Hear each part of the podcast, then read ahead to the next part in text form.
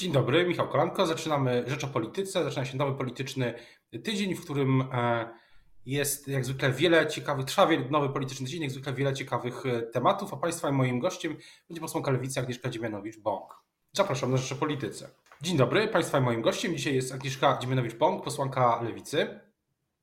Dzień dobry Panie redaktorze, dzień dobry Państwu.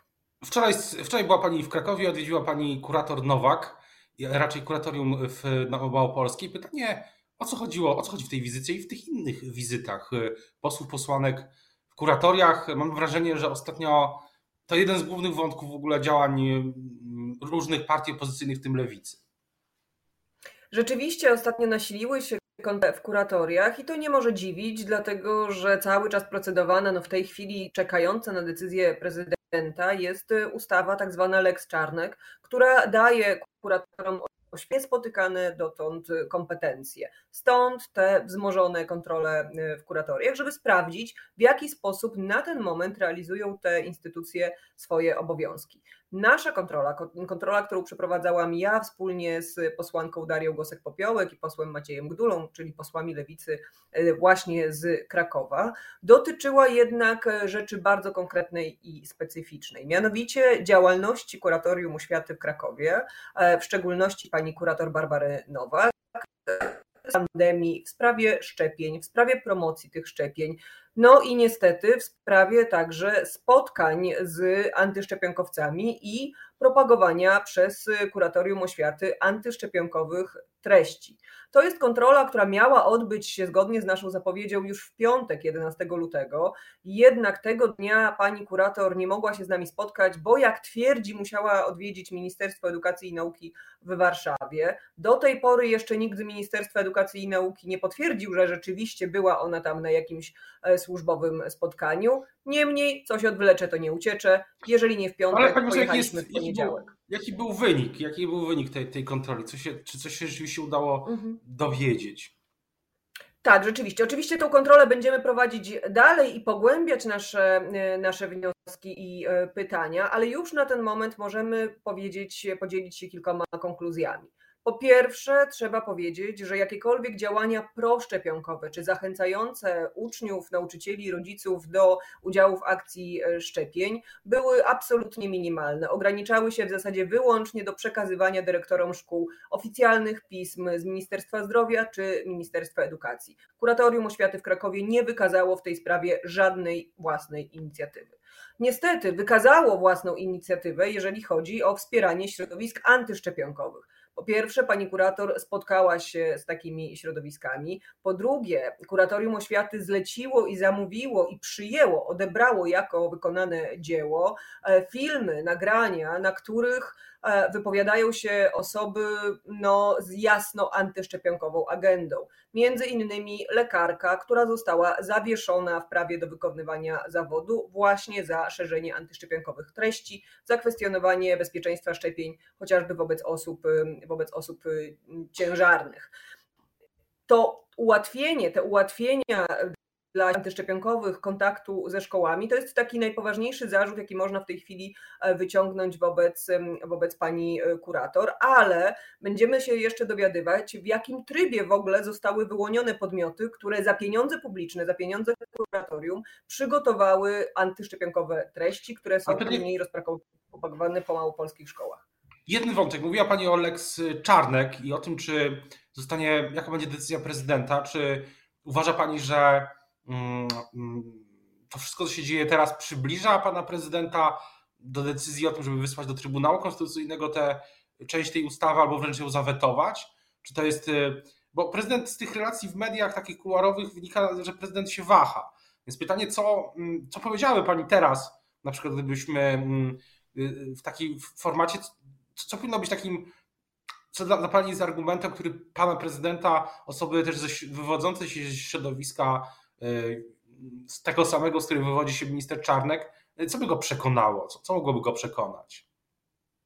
Ja pamiętam, kiedy pan prezydent podejmował decyzję w sprawie ustawy Lex TVN, podnosił wtedy, kiedy wetował tę ustawę, że przekonało go do tego, przekonały go do tego weta głosy strony społecznej, głosy obywateli i obywatelek. Te, to weto ustawy Lex TVN było taką pierwszą jaskółką próby przez odzyskiwania przez Pałac Prezydencki własnej podmiotowości, możliwości prowadzenia własnej polityki. Sprawa Lex Czarnek, weto lub brak weta w sprawie ustawy Lex Czarnek, to będzie kolejny test na to, czy ta podmiotowość rzeczywiście coś znaczy dla pana prezydenta. Bo jeśli przy poprzednich ustawach istotny był głos strony społecznej, to tutaj nie powinno być żadnych wątpliwości. Zarówno nauczyciele, jak i dyrektorzy rodzice, wszystkie środowiska oświatowe mówią jednym głosem. Ustawa Lex Czarnek powinna trafić do kosza, nie powinna stać się obowiązującym prawem. Co więcej, pan prezydent i cała opinia publiczna przez pana ministra Czarnka i mm, kuratorów, w tym panią kurator y, Barbarę Nowak, byli wprowadzani w błąd. Wmawia im się, wmawia nam się, że rodzice zgłaszają jakieś skargi na organizacje y, pozarządowe w sposób y, masowy, te organizacje, które wchodzą do szkół. Tymczasem kontrole w kuratoriach oświaty wykazują, że takich skarg albo nie ma wcale, albo są naprawdę sporadyczne i nie jest to problem, który trzeba byłoby rozwiązywać drogą ustawową. Jednocześnie mm, no, są kuratorzy, tacy jak Barbara Nowak, którzy e, są gorącymi zwolennikami tej ustawy, zwolennikami wymagania od każdego podmiotu zewnętrznego, żeby z dwumiesięcznym wyprzedzeniem zgłaszał scenariusz e, zajęć dodatkowych w szkole. No ale kiedy przychodzi co do czego, okazuje się, że pani kurator Nowak żadnego e, z tych antyszczepionkowców, którzy przeprowadzali zajęcia dla dyrektorów szkół w Małopolsce, poprosiła o przedstawienie treści czy mm, scenariusza takiego, tak, takiego filmu. Więc to weto po prostu jest racjonalne, rozsądne, ale także jest szansą dla pana prezydenta, żeby przypieczętował tą swoją nowo odzyskiwaną podmiotowość i niezależność tak obozu władzy. Tak się zastanawiam, mamy, przekroczyliśmy półmetek kadencji i tak się zastanawiam, jak z pani punktu widzenia politycznej opozycji, e, mm, politycznej lewicy i wygląda ten zwrot, który dokonuje, czy zarysy tego zwrotu, który dokonuje prezydent. Czy to jest coś dla lewicy konkretnie, nie chcę używać tego terminu opozycja, dla lewicy, czy to jest coś dobrego, złego w kontekście tego, czym, czego chce być, czym chce, znaczy czego chcą wszystkie partie opozycyjne, jak rozumiem, czyli przestania bycia opozycją. Czy to, to komplikuje, czy ułatwia to zadanie lewicy? Znaczy, przede wszystkim perspektywa, którą należy przyjąć, to jest perspektywa państwa. Ja, podobnie jak cała lewica, jesteśmy propaństwowcami i chcielibyśmy, żeby państwo funkcjonowało na zasadzie niezależnych od siebie e, rejonów władzy, to znaczy prezydent, pałac prezydencki nie powinien chodzić na pasku większości e, rządzącej, niezależnie od tego, czy mówilibyśmy o rządzie prawicowym, lewicowym, liberalnym, konserwatywnym, czy jakimkolwiek innym. Niezależność głowy państwa od większości parlamentarnej jest wartością samą w sobie. A jeżeli chodzi o inicjatywy ostatnie prezydenta Andrzeja Dudy, no to to oceniamy je z ostrożnym, znaczy fakt, że one się pojawiają, Mówi oceniamy z ostrożnym Pani poseł, słowo. Mówi Pani o tych, to już jest bardziej mówi pani o tych, mówi Pani o tych inicjatywach, e, o inicjatywie sądowej, tak?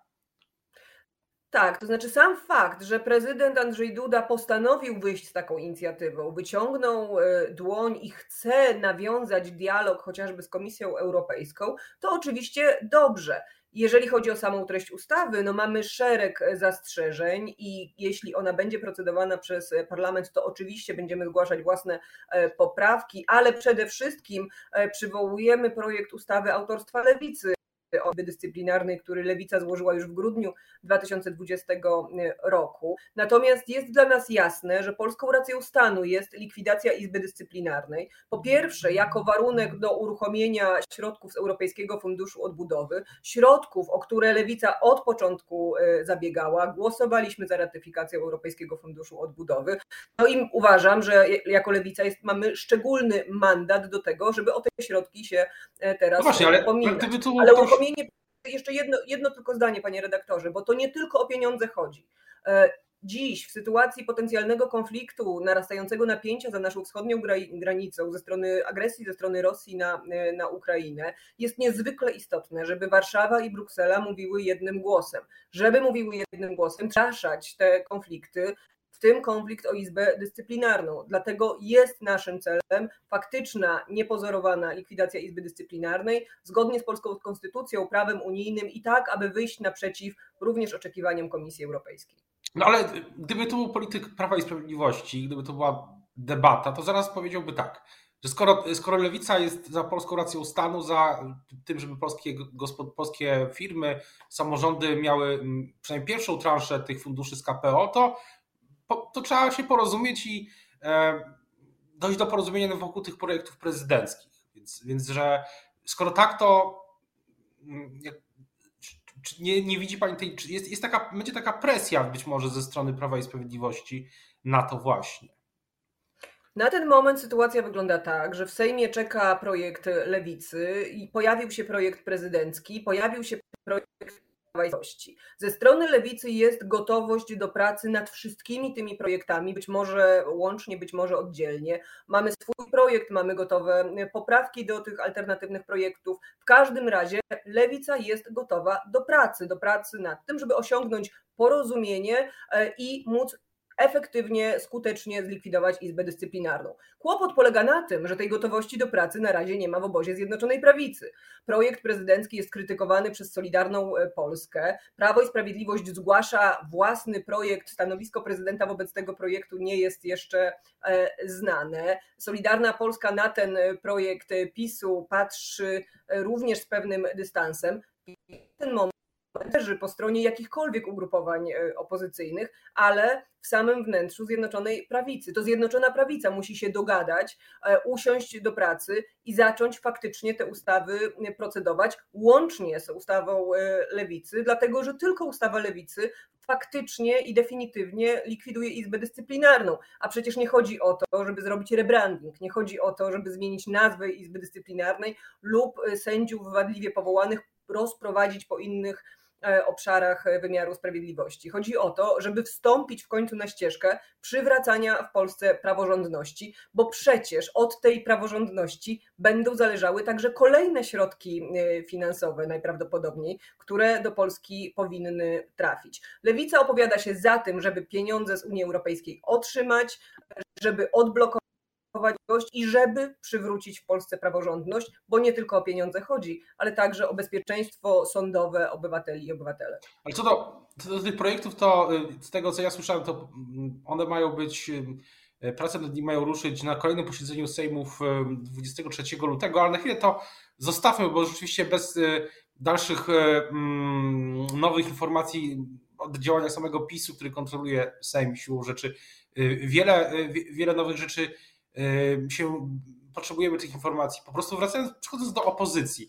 Wiele ostatnio się mówi o tym, że jest pewnego rodzaju lepsza współpraca między lewicą, ruchem Szymona Hołowni i PSL-em w formie takiej umownej, tak zwanej koalicji świateł drogowych. Nie mówię tu o żadnej formalnej koalicji, tylko po prostu o, o tym, że lepiej się współpracuje pań, państwu z lewicy, właśnie z politykami, polityczkami PSL-u i ruchu Szymona Hołowni, niż ogólnie rzecz biorąc z politykami, polityczkami Platformy. Rzeczywiście, rzeczywiście, rzeczywiście tak jest, czy to jest kolejny wymysł publicystów? Oczywiście współpracujemy w różnych konfiguracjach, natomiast muszę powiedzieć, że rzeczywiście w wielu sprawach, sprawach fundamentalnych, jak chociażby właśnie ratyfikacja Europejskiego Funduszu Odbudowy, znajdujemy jako lewica wspólny język z Polską 2050 e, i Polskim Stronnictwem Ludowym. I dziś, kiedy odbywa się e, debata o odzyskaniu, uruchomieniu pieniędzy z Europejskiego Funduszu Odbudowy, to są w Sejmie ugrupowania, które mają szczególny mandat do upominania upominania się o te środki. Tymi ugrupowaniami jest właśnie Lewica, PSL, Polska 2050. Jesteśmy także chętni i zadowoleni z tego, jako klub Lewicy, że e, rozpoczynają się debaty programowe, dyskusje nad tym, nie tylko nad tym, w jaki sposób odsunąć PiS od władzy, bo to jest jasne, że trzeba to zrobić, ale także o tym, w jaki sposób odbudować e, Polskę po Prawa i Sprawiedliwości. Rozumiemy i myślę, że w tym gronie e, tych ugrupowań rozumiemy to szczególnie, e, szczególnie dobrze, że od samego tupania nogami i pochukiwania, że PiS jest zły, elektorat Prawa i Sprawiedliwości od niego nie odpłynie. Trzeba zbudować i zaprezentować atrakcyjną alternatywę e, i ugrupowań jest gotowe do, do, do, do zaprezentowania takiej alternatywy na własny we własny sposób. E, Polskie Stronnictwo Ludowe kieruje się w kierunku wyborców elektoratu wiejskiego. E, Lewica w szczególności upomina, upomina się o ludzi pracy, o 17 milionów e, pracownic i pracowników. W tej chwili przez Polskę przechodzi fala protestów. Trwa dzisiaj 23 dzień strajku w wielkopolskim Solarisie. Mają rozpocząć się rozmowy pracowników ze stroną zarządu. Cały czas trwa zrzutka, do której e, pozwoli pan redaktor, że kolejny raz zachęcę, ale to jest jedyny, jedyny pracowniczy protest, więc tak, robimy swoją robotę. Tam, gdzie da się współpracować, współpracujemy, ale to, co jest, co nas łączy i co jest dla mnie najważniejsze, to to, że w słowie, w słowie współpraca równie ważnej jak współ jest praca, czyli to, żeby sprawdzać e, swoją koalicyjność w działaniu, w konkretnych, po prostu w konkretnej robocie. Ale tutaj nie mówię, jak mówiłem, miałem, wspominałem, to nie chodzi o koalicję wyborczą, bo do wyborów jeszcze kilkanaście miesięcy, ale o Oczywiście. pewne płaszczyzny współpracy. Czyli na przykład, jakie są Pani oczekiwania po, tym, po tej debacie, czy tym spotkaniu właśnie tej umownej koalicji świateł drogowych 21 e, marca pierwszy dzień wiosny, już za miesiąc prawie, mm, która ma. Właśnie co to, jak rozumiem, Lewica, PSL i Ruch Hołowni współpracują przed, tą, przed tym spotkaniem. I pytanie, co, co, to, co to ma być w ogóle za spotkanie? Jakie są Pani oczekiwania? Jest szereg e, tematów, kluczowych obszarów, e, dla, też szczególnie ważnych dla Polek i Polaków, o których trzeba rozmawiać rozmawiać. Oczywiście po mm, dwóch latach pandemii takim tematem i obszarem jest y, ochrona zdrowia, wynagrodzenia w ochronie zdrowia, sposób jej e, finansowania i organizacji. Jest z całą pewnością takim tematem y, edukacja, cały system y, oświaty, demolowany przez ministra Czarnka, ale wcześniej także nadwyrężony boleśnie reformami Anny Zalewskiej. O tym także trzeba rozmawiać, co zrobić, żeby szkoła faktycznie mogła być dla młodych ludzi takim drugim domem, gdzie nie tylko będą pozyskiwać wiedzę, ale także zjedzą ciepły posiłek, czy znajdą wsparcie i opiekę psychologiczną, bo przecież w połowie polskich szkół cały czas psychologa na etacie e, brakuje. Takim tematem jest oczywiście obecność Polski w Unii Europejskiej i odbudowa dobrych relacji na arenie międzynarodowej te relacje są nam pewne niezwykle mocno, w szczególności dziś w obliczu e, kryzysu i zagrożenia wojną za naszą wschodnią granicą. Więc tych tematów można byłoby mnożyć i mnożyć i jest o czym rozmawiać i dobrze, że są e, w Sejmie ugrupowania, które taką rozmowę są gotowe podejmować.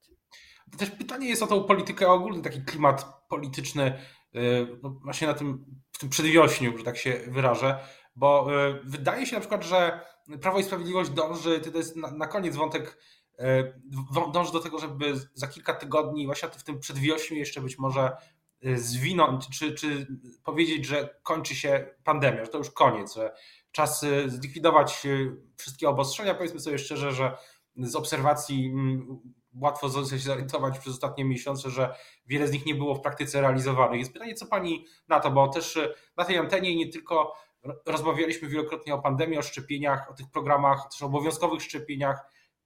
Co, co wtedy? Pytam zarówno po płaszczyźnie politycznej, jak i płaszczyźnie takiej faktycznej.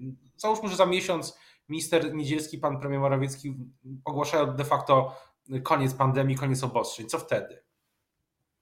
To naprawdę byłaby wspaniała rzeczywistość, w której jeden czy drugi minister może wyjść i ogłosić, e, ogłosić koniec e, pandemii. No ale niestety natura jest bezlitosna i to tak nie działa. Od słów premiera Morawieckiego, który zadeklarował, że wirus jest w odwrocie, pandemia się nie skończyła. I oczywiście wszyscy chcemy i trzymamy kciuki za to, żeby ta fala, przez którą w tej chwili przechodzimy, e, fala pandemii była falą ostatnią, ale eksperci i lekarze mówią, że tu nie tylko trzeba trzymać kciuki, trzeba przygotowywać się także na to, co może wydarzyć się jesienią. A jesienią może nadejść kolejna fala, fala czy to wirusa mikro, delta czy obu i mamy narzędzia, żeby się przed tym uchronić. Tym narzędziem jest wprowadzenie obowiązku szczepień. To lepiej, lepiej jest szczepić populację, szczepić Polki i Polaków w czasie, w którym nie przez żadną falę w czasie spokoju.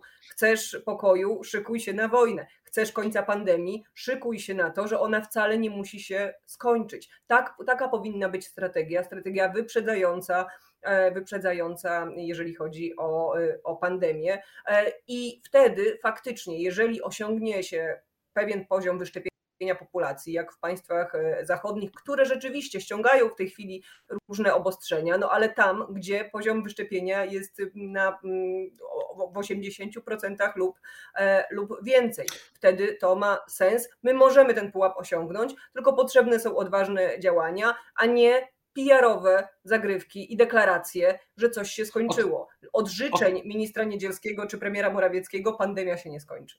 O tym, e, co dalej z pandemią, z tymi decyzjami, jak i e, o tym, czy i kiedy prezydent Duda podejmie decyzję w sprawie Lex Czarnek, będziemy to na pewno śledzić. Teraz bardzo już dziękuję za rozmowę Państwa i moim gościem. Dzisiaj była Agnieszka Dziemianowicz-Bąk, posłanka Lewicy z Wrocławia. Dziękuję bardzo.